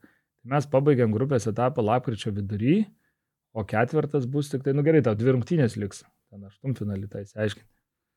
Nežinau. Aš manau, kad, aišku, turbūt čia atsiranda problema šitoje vietoje dėl komandų, kurios neturi savo arenų. Tai taip susikelia, nes mes, pavyzdžiui, būtume prieš Lietkabelį, aš įsivaizduoju, žaidę su garžais trečiadienį, bet trečiadienį žaidžia Neptūną savo arenui. Ir, mm. ir tau atsiranda automatiškai problema, kad tu na, vieną dieną dviejų rungtynių nesužaisi. Tai čia turbūt irgi ta problema, lygiai ta pati problema, pavyzdžiui, taip pat mažai, jie vakar žaidžia namuose, o rytoj su mumis. Tai irgi tas pats kelionė keturios su viršum valandos rytoj, nu, tai irgi bus lygiai taip pat, na, kaip ir mes buvom su, Klaip, su Panevežiu. Vienu žodžiu, krepšdai yra Lietuvos krepšinio lygos problema didžioji, kurią reikia. Ne. Aš gal ne, pritarsiu, žinai, kad reikia naikinti šitą komandą. ne, garžai ir taip ant manęs pyksta, kad aš dažnai kritikuoju, bet aš tiesiog manau, kad aš niekada nebuvau šalininkas komandų, kurios neturi savo arenų ir aš niekada nepritariau tam sprendimui ir aš manau, kad mes tuo sprendimu uh, sukėlėm precedentą, uh, kuris ateityje gali būti labai skausmingas. Nes jeigu, pavyzdžiui, kitą sezoną uh, Garždai dar neturės savo arenų, nežinau, kokia ten situacija, statusi, kaip ten vyksta viskas, Garždai neturės, mažiekiai neturės ir, pavyzdžiui, ateis dar viena komanda, Tai tokiu atveju mes, tarkim, na, bet kas liks paskutinis kitais metais, o bet kas gali laimėti ir NKL. Ne, bet kas gali laimėti, jisai sakys, aš žaidžiu kažkur tai prienuose ar kažkur. Ir automatiškai mes kitais metais galim turėti tris komandas, kurios neturi savo namų areną. Jo, savo reiškia, mieste. delikatesas laimės. Nesvarbu, kad ir, sakys, laimės Joniško delikatesas ir žais Šiauliuose. Tai... Mes turim puikią mokyklos vidurinę salę, Ivaniški telpa kiam žmonių. Tai aš nesu, nesu šalininkas, bet kad tai sukelia papildomų problemų, bet, bet vėlgi čia yra kaip yra, nieko nepadarysi, visom komandom sąlygos yra vienodos ir na, turim prisitaikyti ir žaisti. Mm. Bet spalio mėnesį žaisti 10 rungtynių yra visiškai nesąmonė. Gerai. akivaizdžiai supykęs, Eimantas. Visiškai. Kad nebūtų vien diskusija apie Uteną, reikia įvelti šiek tiek ir lietkabelį, kalbant apie tas jau rungtynės, kurias pralaimėjo. Tai man atrodo, kad didžiausia duopkas jūsų tas rungtynėse buvo Davidas Irvidis, kuris labai dvi solidžias rungtynės iš eilės jau turi. E, iš pradžių Europos taurėjai su Burgu, tri- 27.35 naudingumo balai, o dabar su jumis e, 18 taškų. Ir kas mane labiausiai patinka žiūrint į jį, kad jisai netritaškiais renka tuos taškus. Jisai jūs baudė prasiveržimais, agresyvumu, jisai išmetė aštuonias baudas, dvi taškių gal keturis. Ir tikrai buvo visiškai kitoks, negu mes ten jį atsimenam iš prieš keturis metus, kai jis dar Lietuvoje žaisdavo, ne? Na, taip, jisai tikrai sužaidė geras rungtynės, reikia sutikti, bet e, mes pridarėm labai daug klaidų su juo. Individualiam skautingė mes leisdom į stipres rankas, ne tik jį. Tiesiog mes turėjom dvi problemas su lietkabeliu, kurios mums neleido žaisti. Tai vienas dalykas buvo individualus skautingas, mes šokam, rotuojam ant Sabetskio, palikdami laisvą Liukkevičių, kur eina ekstra perdamas. Tai yra viena problema ir antra problema yra baudos iki bonus. Tai mes irgi turim šitą įspręsti, nes jos mums labai brangiai kainuoja, ne tik šitose rungtynėse, jos mums kainavo KMT pralaimėjimą e, Klaipėdoje. Ir tos komandos, kurios yra topinės komandos, jos mūsų šito labai stipriai baudžia. Tai Davidas, būdamas protingas žaidėjas, jisai iš mūsų šitų klaidų ir susirinko savo didžiąją dalį taškų, kas įrodo jo aukštą meistriškumą. Mm. Bet kad jisai žaidžia solidžiai, tiek, tiek su Burgosu, tiek su mumis, tikrai žaidė solidžiai, jisai daug turi kamolių, ypač kai Valinskas iškrito, tai ir, ir, ir Varnas, ir Servidis, jie žaidė žaidėjais, jie daug kontroliavo kamolių ir jis tikrai labai gerai sprendė situaciją, tiek Varnas, tiek jis. Tai čia tikrai, na, taip, pridarėm klaidų, bet turim atiduoti duoklį ir varžovui, kuris tikrai žaidė labai gerai. Šiaip, žinai, dėl uh, Sirvidžio, bent jau mano akim, gal į sezono pradžioje prieš Telmacherą pats nelabai žinojo, ką jis čia turi daryti, žinai, o dabar Jo, čia- jam visiškai aiškiai pasakė, Čianakas, žinai, ką tu turi daryti, kas tau yra leidžiama daryti ir jis puikiai tą daro, žinai, akivaizdžiai. Jo, Čianakas iš tikrųjų, man atrodo, labai daug nusidėliojo žaidėjų tiesiog į savo vaidmenis, tas pats Martinas Varnas. Aš galvoju prieš Telmacherio, kad, nu, viskas, tipo, atgal į Šiaulius ar dar kur nors į Uteną, ne, neįžeidžiant. Ir šiaip e, aš šiandien taip pažiūrėjau statistiką, ne, nežiūrėjau iki galo Lietkabelio ir e, Juvės rungtynių, e, bet man užkliuvo už akių faktas, kad, pavyzdžiui, Vitenis Lipkevičius trajakus metą 53 procentais šį sezoną. Tai Solidumas. tapęs tiesiog patikimu snaiperiu su savo keistoku metimu, žinai, kurį galim prie kitų dėti, ant, žinai, Lanovo ir... Reikia šitą vietą sutikti, kad ir sėkmės nelabai turim. Lipkevičius 5-7, Gorhamas 8-8, tai tos rizikos nepasiteisina. Čia, Cituojant vieną, čia, čia pasduotų velnių mum vėl šitoje vietoje. Nu, negalima taip rizikuoti. cituojant vieną komentatorių, per minkšti lankai Utenoje įtraukė, įtraukė kamuolį. Bet traukia tik tai varžovų kažkodėl. Tai. Tai va. Neturim sėkmės, bet aišku, Lipkevičius irgi sprendė su to trajako pabaigoje pačioje, uždarė rungtynės realiai prie, prie minus dviejų. Mm, nu, bet užsiminė apie Paulius Valinsko traumą irgi, e, kalbant ir, ir apie Sulaimoną, ir apie Valinską. E, Labai skaudžios traumas atsižvelgiant, kokie tai yra svarbu žaidėjai savo komandoms. E, Valinskas, kiek atsimenu, vat, bendravau su juo, atsimenu po pralaimėtų rungtynių su Trento Europos tauriai, tai jisai sakė, kad turi jau kurį laiką tą kirkšnies problemą ir dabar, kaip suprantu, jis kelias savaitės ten jis buvo nežaidęs, vėl sugrįžo ir gal vėl ta pati problema užklupo. Tai Aš sunku pasakyti, kokią problemą, nes informacijos nemačiau, kas ten buvo. Tik tai, aišku, gaila žaidėjo, tikrai geras žaidėjas, viskas tvarkoja, bet man dar labai gaila buvo dėl to, kad mes visi labai laukiam turbūt tos brolių dvikovos, ar ne, Valinskų. Aha. Ir jinai truko tik tai minutę 39 sekundės. Tai va šitoje vietoje irgi šiek tiek toksai, na, pirmą kartą susitiko viens prieš kitą brolį ir na, taip nepasisekė Šiaip dėl- vyresnėliui. dėl tų abiejų traumų nu, labai gaila, kad, žinai, ypatingai gal dėl Vilkų, kad būtent prieš Europos taurę, žinai, LKL tu viskas gerai, esi 9-1, žinai, ten tas vienas kitas pralaimėjimas jau ten turbūt ne, nesugriautų tau tragiškai sezono, o Eurocapą, nu, pliama, tikrai su, su Salaimonu ten būtų įdomių dalykų trečią. Nesakau, kad ir dabar, žinai, nebus čia variantų, bet, nu, kaip pasakyti, be Salaimono prarandi daug dantų iš burno, žinai, tai... tai Na, Solomonas, aš vis galvoju, kad jis yra šiuo metu geriausias lygos žaidėjas, bent jau man taip atrodo, kad jis yra individualiai tikrai pats stipriausias lygos žaidėjas, galbūt, na, aišku, ten gal lentynos komandų netos, bet tabas galbūt galėtų būti kažkas tai tokio, bet Solomonas, na, jeigu man reiktų rinkti dabar geriausią lygos žaidėją, aš tikrai rinkčiau Solomoną. Mm. Dar apie geriausius žaidėjus pakalbėsim irgi yra įdomių dalykų jo. Norėjau paklausti aš irgi apie Uteną tiesioginis klausimas apie Oliverį Kostičių, nes, nu, at, vyriausiojo trenerio poziciją, kai pasikeitėt Oliverį Kostičių, man tai tikrai buvo to, tokia gan nuostaba, nes tai yra vardas. E, Didelis vardas, kuris yra buvęs žalgė, nu, didelis vardas, sakykime, toks girdėtas Lietuvai. Girdėtas vardas. Jo. Tai koks įspūdis po, po tų kelių mėnesių darbo su juo, kaip e, atsimenu, teko šnekėtis e, su, su Matuliu, tai irgi patvirtino tą informaciją, kad kai buvo pasaulio čempionate, siūsdavo jam asistentai nufilmuotas treniruotės, netgi jisai tenais naktį sėdėdavo Maniloje ir žiūrinėdavo, ką jūs ten treniruojatės. Na, jis yra darboholikas, jis yra labai didelis darboholikas ir labai didelis pedantas. E, Jisai kiekvieną dalyką išnagrinėja iki smulkmenų ir kiekviena smulkmena jam yra labai svarbi. Kartais net na, atrodo, nu, koks ten skirtumas ant tą smulkmenėlę, bet jisai tikrai, na, sakau, jo darbo stalas yra turbūt namuose, na, gal didesnis truputuką, gal panašiai kaip šitas ir jis yra visas nuversas popieriais, pribraižytas deriniais, varžovo analizėm, skautingais, ten pasiūžėni namo, tai jis ten apsivertęs visas tais popieriais. Na, jis tikrai labai daug dirba, bet e, aš gal tikrai nieko blogo apie jį neturiu ką pasakyti, kol kas. Tikrai aš kaifuoju su juo dirbdamas, man tikrai labai patinka, aš manau, kad jisai kelia mūsų klubą į aukštesnį lygį tiek kaip e, žaidimo prasme, tiek organizacinė prasme, bet aš gal pasakyčiau, kad e, aš labai džiaugiuosi visų trenerių štabų, tai yra ne tik kad Oliveriu Kosičiu, bet ir Vytautų Būzų, ir Justų Giriūnų, ir Mindaugas Saulevičius, aš manau, kad yra vienas rimčiausių profesionalų fizinio rengimo trenerių savo srityje, tai sporto, sporto tai fizinio pasirengime.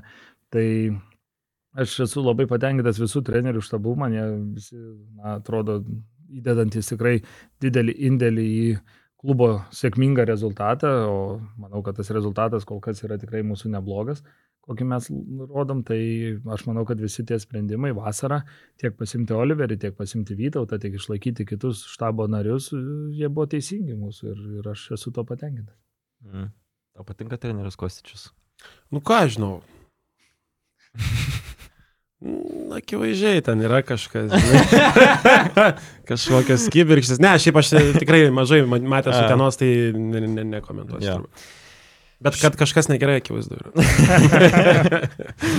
Šiauliai pralaimėjo dar kartą pieno žvaigždėms, šį kartą 91-95, nepaisant to, kad Tomašas Pavelkas sužaidė fenomenalias rungtynės 41 naudingumo balas.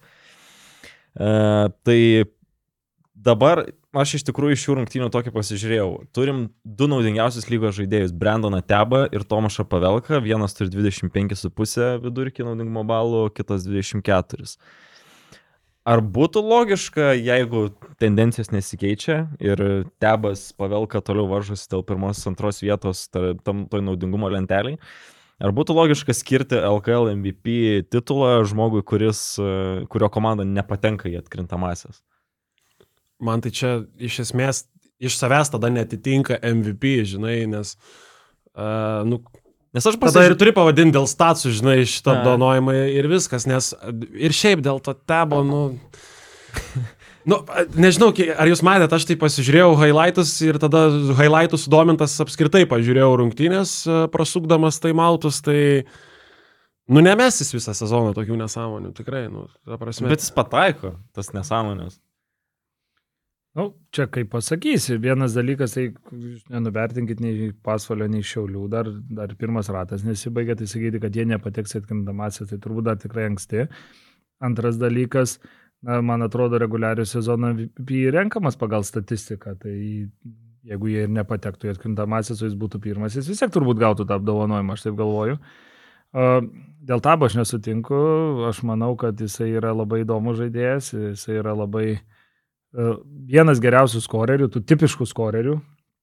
Ir jisai galbūt skirtingai nei nuo kitų, apie kuriuos mes jau čia prieš tai kalbėjom, jisai gali žaisti ir su kamuliu, ir be. Jisai yra tas žmogus, kuris gali ir kurti, ir gali pats gerai užsibaigti po kažkokio derinio iš, iš stagerio ar iš kažkur tai įsimesdamas metimą. Tai taip, jisai jisai dabar meta daug, bet jis visą karjerą meta daug. Jis visada metė daug ir visada metė neblogai, neblogo procentų. Tai, na, aišku, reikia sutikti, kad visas pasaulio žaidimas laikosi ant e, Tabo ir Watsono, ant šitų dviejų gynėjų. Tai meta liūto dalį metimų, liūto dalį taškų renka, didžiąją dalį komandos. Tai na, toks žaidimas, tiesiog taip treneris Esilionis tai pastatė žaidimą. Aišku, galbūt kai grįž Kadimas Džekas, bus daugiau žaidimo per, per vidurio polėjus.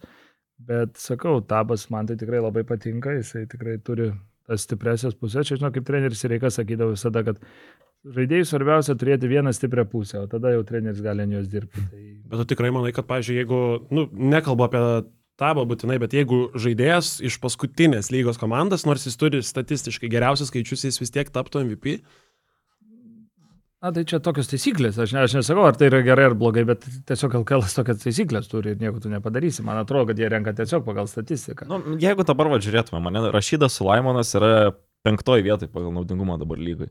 Ir jisai nužaidžia dabar kol kas geriausiai komandų iš tų, kurie yra aukščiau už jį. Tada eina Kadimas Džekas, Nikas Wardas, Pavelka ir Tebas.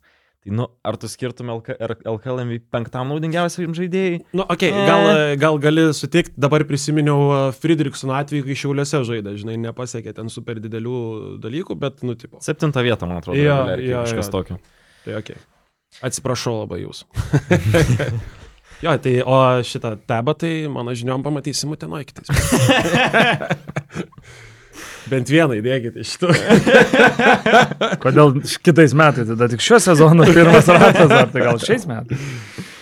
Tai va, e, Donatas Lanina prieš dar šias rungtynės e, viešai išstojo su palaikymu Nikolajui Mazurui. Tikriausiai logiškas toks žingsnis užstot, matant, kaip e, kai kurios komandos neturi kantrybės su savo treneriais. Uh, Na nežinau, gal tau kitaip atrodo, kaip, kaip tau atrodė šitas Donatos Lanino žingsnis viešai e, išeiti apie klubo reikalus su biudžetu, su... Žinot, čia šitą vietą apie trenerį tikrai nenorėčiau komentuoti, nes tai yra jų visiškai jų klubo vidaus reikalas ir, ir Donatas, aš manau, kad jis yra pakankamai patyręs žmogus, mes su juo pakankamai nemažai bendravom, nes turbūt iš klubų, LKL klubų, turbūt su, su Jonava, gal ir su Šiauliais tokie, na, geriausiai bendraujantis, daugiausiai esame bendraujantis, daugiausiai pasišnekantis, pasiklausantis tam tikrų dalykų, jeigu reikia. Tai aš tikrai žinau, kad Donatas yra patyręs, jis labai, labai daug dirbantis žmogus ir, ir na, jeigu jisai priemė tokį sprendimą palaikyti trenerių, vadinasi, jisai mato iš vidaus geriau, kad, kad treneris dirba gerą darbą, daro tą, ką reikia daryti ir na, jis turbūt tiki trenerių, tiki viziją komandos ir, ir, ir, ir na, palaiko juos. O faktas, kad jiems trūksta tų pergalių, faktas, kad tikrai turbūt niekas neplanavo, kad šiauliai po pirmo rato bus kažkur tai, na, taip žemai. 1-8, 12 vieta. Tai nu, man tai labai sunkiai žiūrisi, žiūrint iš šiaulius. Man tai žiauriai gaila, nes uh, nuo pat vaikystės uh, gyvenant pas tėvus mums artimiausia LKL komanda buvo šiauliai. Uh, Ir tik vėliau, man atrodo, atsirado pasvalys. E, tai, nu, visą, visą vaikystę tu važiuoji, žinai, žiūrėti šiulius, ten žaidžia Kuzminskas, ten... Va, aš kažkaip bandžiau atspėti tavo amžių ir aš galvoju, va, ar tu pataikai tą laikotarpį, kai ten buvo Kuzminskas? E, pataikiau, Mindaugas. labai trumpai, bet pataikiau, atsimenu, Europos buvo metai, jo, buvo metai, kai Gedraitį žaidė, žinai, ir šiuliai tikrai buvo be, bet kam iššūkis, tikrai, ir jie, nu, ten buvo laikotarpis, kai jie stabiliai ten, žinai, link bronzos medalių eidavo. Ir dabar matyt, kas ten vyksta, gal net tiksliau būtų sakyti, nevyksta, tai ir liūdna, ir plus, nu, šiuliai tikrai labai sportiškas miestas, žinai, ir matai, kad, matai, kad futbolas dabar tikrai labai gerai susitvarkęs yra ir matai, kaip nefunkcionuoja krepšinis. Ir prie viso šito aš gal neatsimenu prieš istorijas, bet Mindaugas Žukauskas yra buvęs uh, Šiaulių vadovas. Sporto direktoriumi. Jo, tai nu, ir jo tas kiekvienas paustas apie Šiaulių merą, kuris ten e, turbūt tiesiogiai net neduoda, aš nežinau, savivaldybės reikalų, jis tiesiogiai nedaro, žinai, pavedimo, tiesiog taryba nusprendžia, kad kiek skiria komandai. Ir kiekvienas absoliučiai paustas, nesvarbu, tai susijęs su to mero ar ne, yra pilama meras, meras, meras. Tai jeigu tikrai visiems rūpi ta komanda ir jeigu norit, kad šiauliečiai turėtų kuo didžiuotis, tai gal, nebe, gal užteks tris metus Facebook'e rašinėti, žinai, kas ką daro blogai. A, Čia tiek iš Mindaugo Žukausko pusės, iš jo turbūt ten pagrindiniai tie paustai eina, žinai, ten mer, meras nemačiau, kad kažką labai rašytų, bet, nu tai ok, tai jeigu tu esi meras ir tu vis tiek esi miesto galva ir tau rūpi, kaip yra išleidžiami pinigai, tai susėskit, susitvarkykit ir... Nes dabar aš, pavyzdžiui, šiauliečio vietoj, aš, pavyzdžiui, neįsivaizduoju, kodėl aš turėčiau ateiti į, rungtynės. Geras pointas, ta prasme, komanda neturi gerų lietuvių kažkokių. Neturi įdomių. absoliučiai, net, Treneris nelietuvis. net neturi absoliučiai komanda jokio identiteto. Dėl ko aš turiu ateiti, koks man žaidėjas dabar ten yra labai įdomus. Tas, uh, kokį pavardę. Jo, tai ok, nu jis ten naudingas yra, bet nu, pasižiūrėkit su pasvaliu, kaip jis gynybui žaidžia. Ta prasme, iš kiekvieno pick and rollo gavo taškus. Ta prasme, mm. Mm. Nu, sakau, labai labai skaudu yra už šiaulius ir kažkaip asmeniškai visada šitą priemė, nes tu atsimeni, kaip buvo gerai šiauliuose. Nes man uh, šiauliai anksčiau buvo uh, grinai, aš važiuodamas galvoju, grinai Juventusas buvo, nes kas bet važiuodavo, tu žinai, kad tikrai gali gauti skūrą, jie žinai. Mm. Ir pats esu buvęs rungtynėse, kai šiauliuose krenta ir žalgeris, ir rytas ir taip toliau, žinai. Tai dabar iki to, kad šiauliuose kažkas grįžtų iš šitų komandų, n- duok dievę Neptūną nusivers, žinai. Nu, nu, nu sakau, kažkaip. Ok. E, Bet apie tas savivaldybės, tai čia tikriausiai bendra pastaba LKL, kad savivaldybės visų komandų gyvenime labai aktyviai Nu, dalyvauja. tai gerai, bet jeigu jūs, žinai, paramą. duodat pinigus, tai jūs ir dalyvaukite tam gyvenime. Jūs paduodat pinigus ir jums atrodo nesvarbu, kaip išleis. Nefunkcionuojat, tai davai, sėdam, kalbam, kažką darom, Matai, žinai. čia Nes... yra dvi medalio pusės šito vietoje. Iš vienos pusės taip, pavyzdžiui, aš nežinau, kaip kitos komandos, mūsų, tarkim, savivaldybė yra dalininkė, jinai turi dvi dalis iš penkių. Ir yra žmonės valdybose valdybės deleguoti, kur mes renkam, kaip čia pasakyti, renkam, renkamės į valdybos posėdžius, į dalininkų susirinkimus, kur yra svarsama. Bet iš kitos pusės, žinai, jeigu ten savivaldybė yra žmonės, kurie nelabai supranta sporto, nelabai supranta krepšinio ir ypač deleguoti, tarkim, į valdybą žmonės, kurie tiesiog, nes, na, aš nežinau, kaip ten būna, bet dažniausiai aš įsivaizduoju, kad ten, na, gerai, tu eik ten, tu eik ten, tu eik ten turbūt. Tai galbūt ir tas kišimasis į tą klubo veiklą irgi nėra geras dalykas. Tai čia toks, na, viena iš dviejų medalio pusių. Jo, bet žinai, Bet aišku, kai yra problemos, jas reikia spręsti. Reikia spręsti kažkokiais būdais ir aš įsivaizduoju, kad šiauliuose nėra taip, kad visi dzin sėdi namuose atsisėdę ir, ir, ir nieko neveikia. Tai aš įsivaizduoju, kad jie sprendžia tas problemas, tik tai dabar tas problemas įspręsti irgi nėra taip paprasta. Nes e, treneris turi 3 metų kontraktą 2 plus 1, tai, tai vadinasi, norint pakeisti trenerį reikėtų turbūt didžiulių išlaidų, nes, na, treneris yra nelietuvis ir turbūt su juo nebūtų taip paprasta susitarti. Komandos kažko kardinaliai nepakeisi irgi, nes tokie klubai kaip Šiauliai, kaip mes, e, kurie nėra tie grandai, jie dažniausiai nepasilieka to pinigų rezervo kažkur, jeigu kažkada reikėtų. Tu stengiasi nuo sezono pradžios išleisti maksimaliai viską, maksimaliai išleidzamas su- pasiekti maksimaliai gerą rezultatą. Vadinasi, kažką keičiant tai yra papildomos išlaidos. Rasti papildomų pinigų vėl nėra taip paprasta. Tai čia tokia klavėtė ir žinot, kai tu nepataikai su vienu, dviem ar kiek žaidėjų, tu vieną dar kažkokį gali galbūt pakeisti, susitarti kažką kažkur, bet jeigu tu nepataikai, na, tu atsiduri tokių situacijų, tokia padėti be išeities trupučiuką ir jie sprendžia, jie pasikvietė naujų mineikį, tai jie pagaliau turės kažkokį žmogų trečioj pozicijoje, nes dabar, na, jiem būdavo problema su Stankievičium ir Baslyku žaisti trečioj pozicijoje, tai yra tikrai sunku, tie žaidėjai, viskas gerai ir, ir, ir Eimantas labai vardo gražaus žaidėjas, tai vis tiek geras top 2 metikas, šiaip top vardas 2, man. jo. top 2, jo, po Paulius. Lukas pirmas. Ai, Lukas. tai va, tai Ačiū. jie, jie tikrai, na, yra žaidėjai, bet jie tokie galbūt, na, pagalbiniai, tie bekai vadinami, LKL galėtų būti ir kai Baslykas žaidžia 30 minučių trečioje pozicijoje, na, sakau, aš su visą pagarbą jam tikrai nenoriu žaisti, bet, bet ta prasme, na, galvojant apie aukštus rezultatus, na, Baslykas galėtų būti tas rolinės žaidėjas, kuris turėtų savo vaidmenį, savo rolę. Bet, tai, bet kažką dabar pakeisti, aš ką noriu pasakyti, kad dabar pakeisti, na, yra sunku, aš nežinau, kokį šiauliai turi pinigų rezervą pasilikę, bet e, aš tikrai nemanau, kad jis yra didelis. Nes sakau, iš, na, iš patirties, iš savo patirties, sakau, kaip mes komplektuom komandą.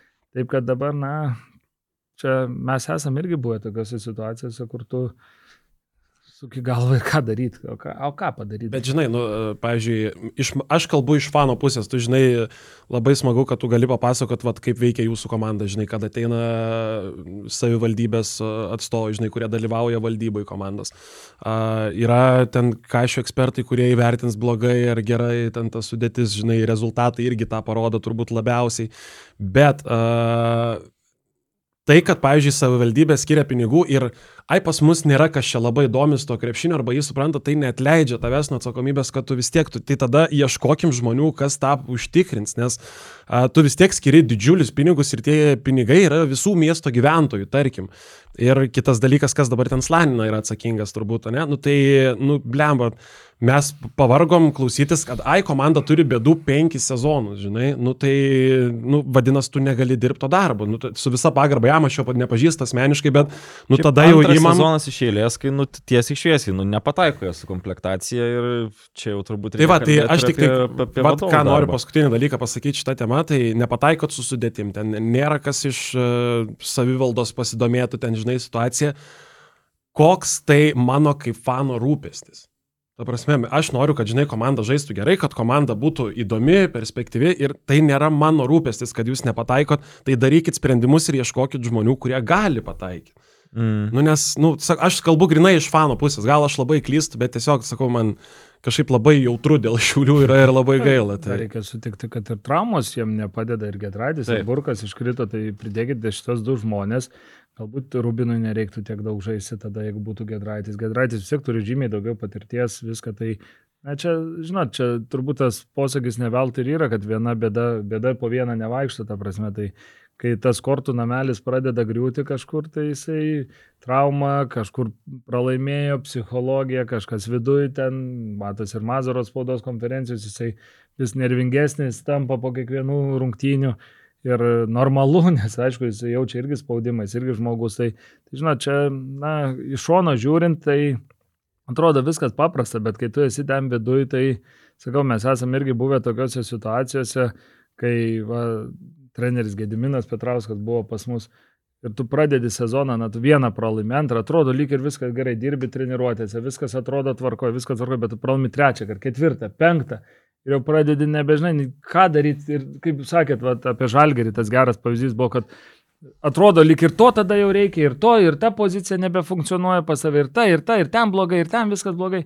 Ir, vat, na, šiauliams turbūt reikia to uh, atsispyrimo, to kažkokios pergalės, vienos gal antros pergalės, kažkokios, kur ta vėl emocija grįžtų. Bet tai yra ta pergalė. Jo. KMT 4-0. Bet patys žino tą KMT, nu aš jums sakiau, nuvažiuoji tą KMT, tai ten tik tai nuvažiuoji, kad reikia sužaisti, bet nei žaidėjim, aš visai pritariu, čia kažkokio jūsų irgi, man atrodo, kažkam podcast'e čia buvo pasakyta, kad, kad, na, kiek kalbėjot su žaidėjais, kad jie sunkiai randa motivacijos, nusiteikimo žaistam KMT, tai aš pritariu visiškai, nes, nu, tu važiuoji, žaidi paskui jau, kai ateina, va, jau lemiami tie momentai, va dabar mes turim dvi rungtynės, jeigu abi laimim, pirmi einame aštuonetą iš karto tiesiai, tai jau tu kažkur ten pradedi ieškoti motivacijos kažkokios kažko, o prieš tai, nu, tas KMT, žinot, nu, nugalėjai palangos olimpą, nugalėjai pasvalį, nu, bet tai tos rungtynės tokios, nu, pasižaidimas, nes josgi būdavo tam padarytos, kad LRT turėtų ką parodyti, o mes turėtume pasižaisti vietoj treniruočio. Viskas. Bet, žinai, aš gal e, dar pareplikuosiu, nu, žinai, tu sakai, e,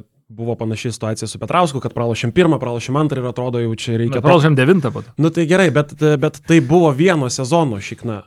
Bet e, susėdot, susitvarkėt ir važiavot toliau. Ir aš neatsimenu labai daug blogų jūsų sezonų. Šiauliai, apart e, šito sezono, kai buvo Elmoras, nu kada jie buvo labai geri ir tai tęsis N metų, tai aš, žinai, jūsų situacijos gal kažkiek skirtingos. Aš tiesiog Ne, gal tai ne apie nebėra tą situaciją, ne, apie tą situaciją, aš kalbu apie tą, ką dabar, aš bandau suprasti tą, ką dabar jaučia šiaulių žaidėjai, treneriai, vadovai, nes mes buvom tam pačiam kailį ir aš žinau, kaip tai yra velniškai sunku, kai tu, žinai, po rungtynių pralošeilinės rungtynės ir galvoju, kad kitą rytą gal varau kur nors prie ežero, nes negaliu eiti į miestą, nes nenoriu, kad, žinai, žmonėmi akis pažiūrėti ir, ir nesinori, žinai, kai klausyt, kai tave tenai lasdavos kažkur gatvėje. Tai aš suprantu, yra didžiulis spaudimas, ypač tuose miestuose, tokiuose kaip Utena, kai jis nedidelis miestas, kai visi vienas kitą žino. Tai faktas, kad tas spaudimas yra ir uh, tikrai, sakau, ne, nepavydžiu šiauliam, labai jos užjaučiu ir, ir, ir žinau, kaip jiem yra sunku. Gerai, galim paliesti dar vieną LKL skaudulį, kartu ir šviesulį. Nevėžis pralaimėjo 81-88 mažiekiam, mažiekių gretose debitavo e, Nikola Vasiljevas, naujasis treneris. Tai uh, kalbant apie nevėžį, irgi labai slogus sezono startas, 1-8, vieną tą pergalytę tik tai ir te pasiemė. Uh, bet čia gal šiek tiek kita situacija, nes nevėžis vis tiek jau keliarius metus orientuojasi į kažkokį jaunimo pritraukimą į savo sudėtį, ieškojimą įdomių žaidėjų ir natūralu, kad tu nepataikysi kiekvieną sezoną ten išsitraukdamas kalaidzakius. Ar e, dar tenais buvo pas juos visokių gerų pavyzdžių, tas pats e, dabar Australijoje žaidžia centras. Nu, tai imk Lambrechtą, žinai. Lambrechtas, pernai, Žagars, jo. Ja. Tai kiekvienais metais turbūt to, to nepasieksi. Tas pats Gelovui atvažiavo, pasirodė, kad siautikas tai yra ir, ir išvažiavo atgal. Ai, kažkaip man e, nevėžis su visa pagarba, ten tiesiog labiau kažkoks versliukas kažkoks, žinai, ne, ne, ne tiek kiek sportinė principo, bet kiek, žinai, susira žaidėjų, už kurį gausim gal babkių, gal negausim. Žinai. Mm.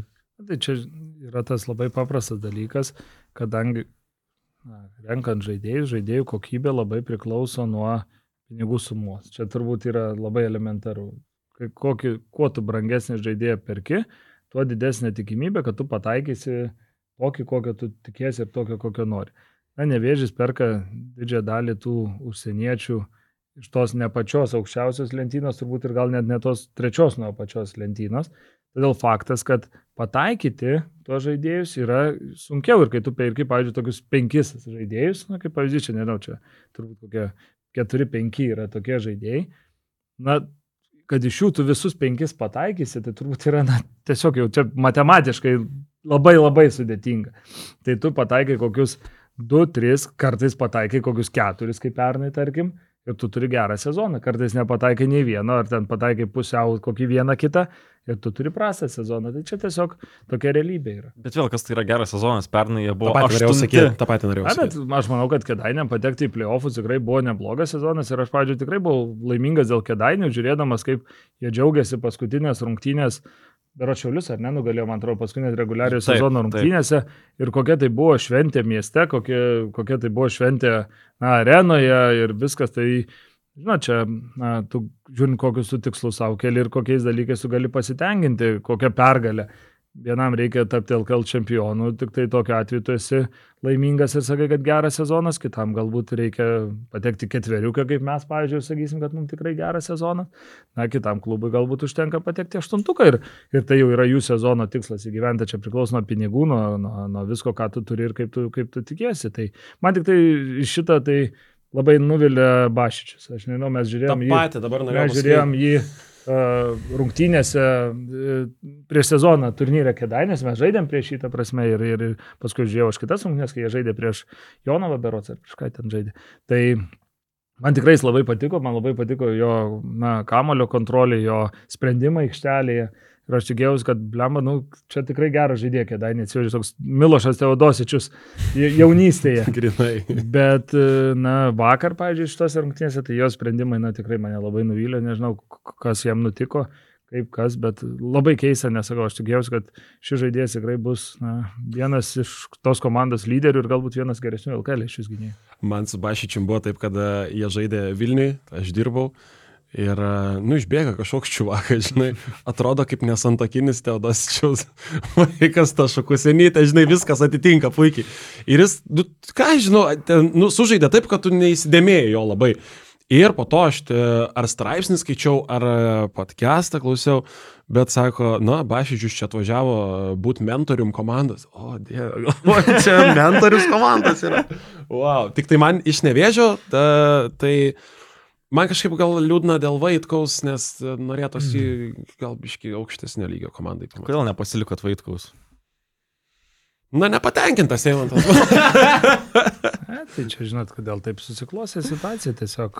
tiesiog taip gavosi, kad mes tuo metu norėjom kitokių, biškai kitokios pozicijos žaidėjų. Norėjote išbandyti su kitais. Ir... Išbandyti su kitais. Tai taip ir gavosi, tiesiog, na, Ignas geras vyras, viskas tvarkoja. Mes ir dabar pasišnekam, pasveikinam susitikę, bet tiesiog taip gavosi, kad gal po beros tris sezonus jis pas mus buvo, jeigu aš neklystu, tai tiesiog ateina laikas, kada reikia įsiskirti. Na, tas pats buvo su Martinu Gecevičiam. Praeitais metais tas pats buvo su Romančenko. Tai O, o rimtai, pavyzdžiui, dėl Getso, nes man kažkaip buvo keista, kad jis e, nuo pat sezono pradžios nerado komandos, o jis jo tiesiog nebeturėjo, gal treneris nematė jo planuose, ar, ar bandėt, bet nesusitarėt, žinai. Ne, tai yra trenerio vizija, treneris mato kokius žaidėjus ir treneris mato, na, kad jam reikėjo kitokio plano žaidėjo. Sakau, lygiai tas pats buvo su Romančenko, lygiai tas pats su Gecevičiam.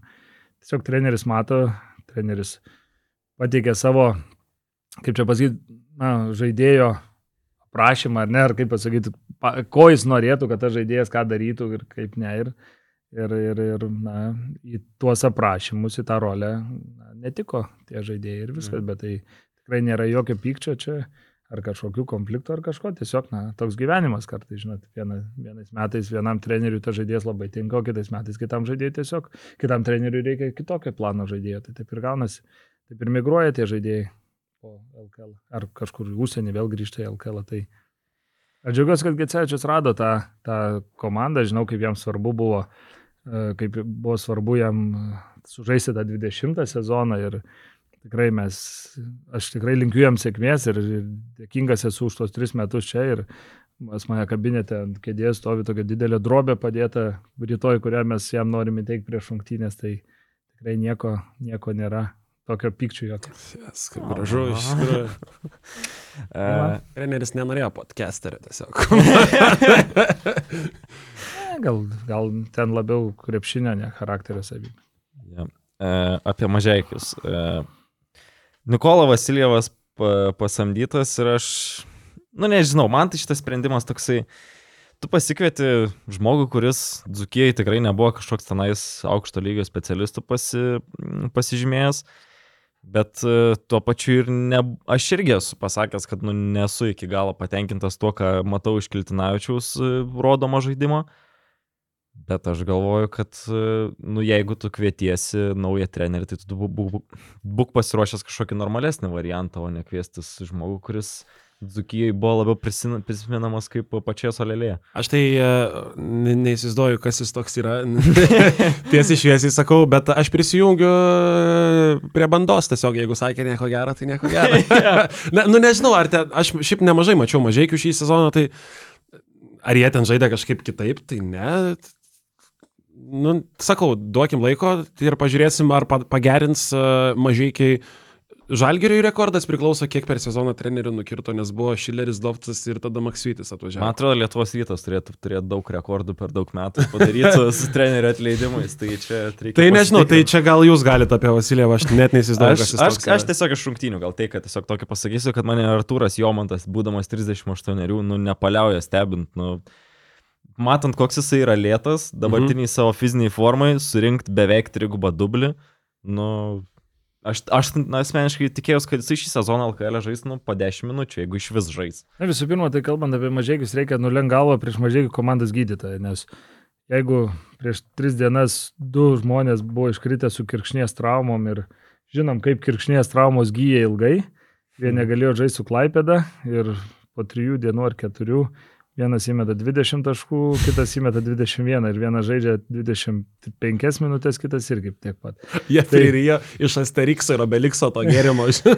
Tai čia tikrai reikia nulenkti galvą prieš mažiekių komandos gydytoją, nes, na, wow, kad pastatytų du žmonės po kiršnės traumų per tiek laiko, tai super. Utena dabar domis gydytojų. Tikrai, tikrai, reiks pasidomėti. Aišku, mes turim tikrai gerą gydytoją Aurimą Tilindį, bet reiks pasidomėti mažiekių komandos. Dabar po šito podcast'o jūsų aurimas.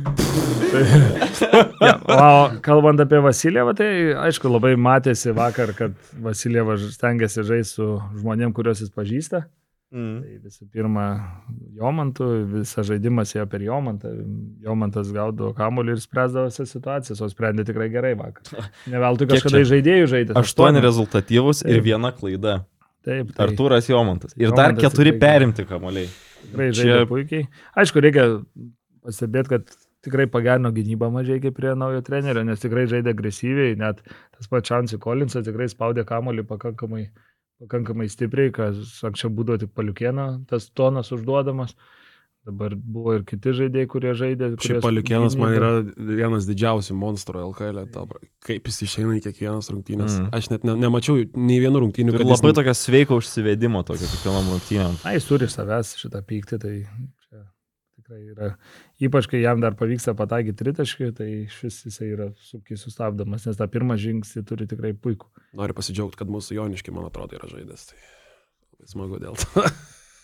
Ja, bet matėsi, sakau, matėsi naują trenerio braižas, aišku, ten gal tiek daug dar neįvedė nieko, bet tikrai žaidė tai žaidėjais, kuriuos žino, kuriuos pasitikė, kuriuos, su kuriais turėjęs kažkada ar kažkokį taip didesnį, mažesnį kontaktą, tai Kolinsas tas pats. Tikrai žaidė daug ir na, gynyba tai tikrai buvo žymiai, žymiai geresnė, bet aišku, galbūt reiktų, na, nekritikuojančiai, labai nenoriu čia kritikuoti kitų komandų, bet na, neturėtų būti indikatorius kėdainiai, nes kėdainiai žaidė vakar tikrai labai blogas rungtynės ir čia turbūt neižeisiu nei trenerio kėdainių, nei organizacijos tą pasakęs, nes, na, turbūt jie patys supranta, kad rungtynės buvo tikrai blankios ir ten, kai tu klysti po 5, 6, 7 kartus per kėlinį lygiose vietose, tai, na, turbūt sunku tikėtis kažkokio rezultato ir tai dar palyginus, jie visai neblogai laikėsi pirmą pusę. Mm. Žaisdami tą tikrai, na, nedaug kokybės turinti krepšinį. Nu ką, kaip vertinat laidą? Kaip jum, ar jums patiko? Nu, daug skandalingų dalykų pasakė. Žinai, kas, Ja, iš tikrųjų, kad Utena turės naują gydytoją. Į baką. Į baką. Į baką. Kaulą Baką- į ir baką tai tabą. galima tik po rungtynių. Ir tai kažkur gruodį išpirksiu ten atebą, tai žinoma. Jo, šitas irgi. Jo. Tai, va, tai tikiuosi, Eimantai, kad dar bus progų čia nais ateit. Nu, čia nežinau, kaip čia ponis ar užleis vietą, ne man čia. Tai čiapas dabar nebus trim antrais paskui. Palyginus. Tai dabar po devynių metų susėdame. jau visi. Gerai, dėkui. Visą.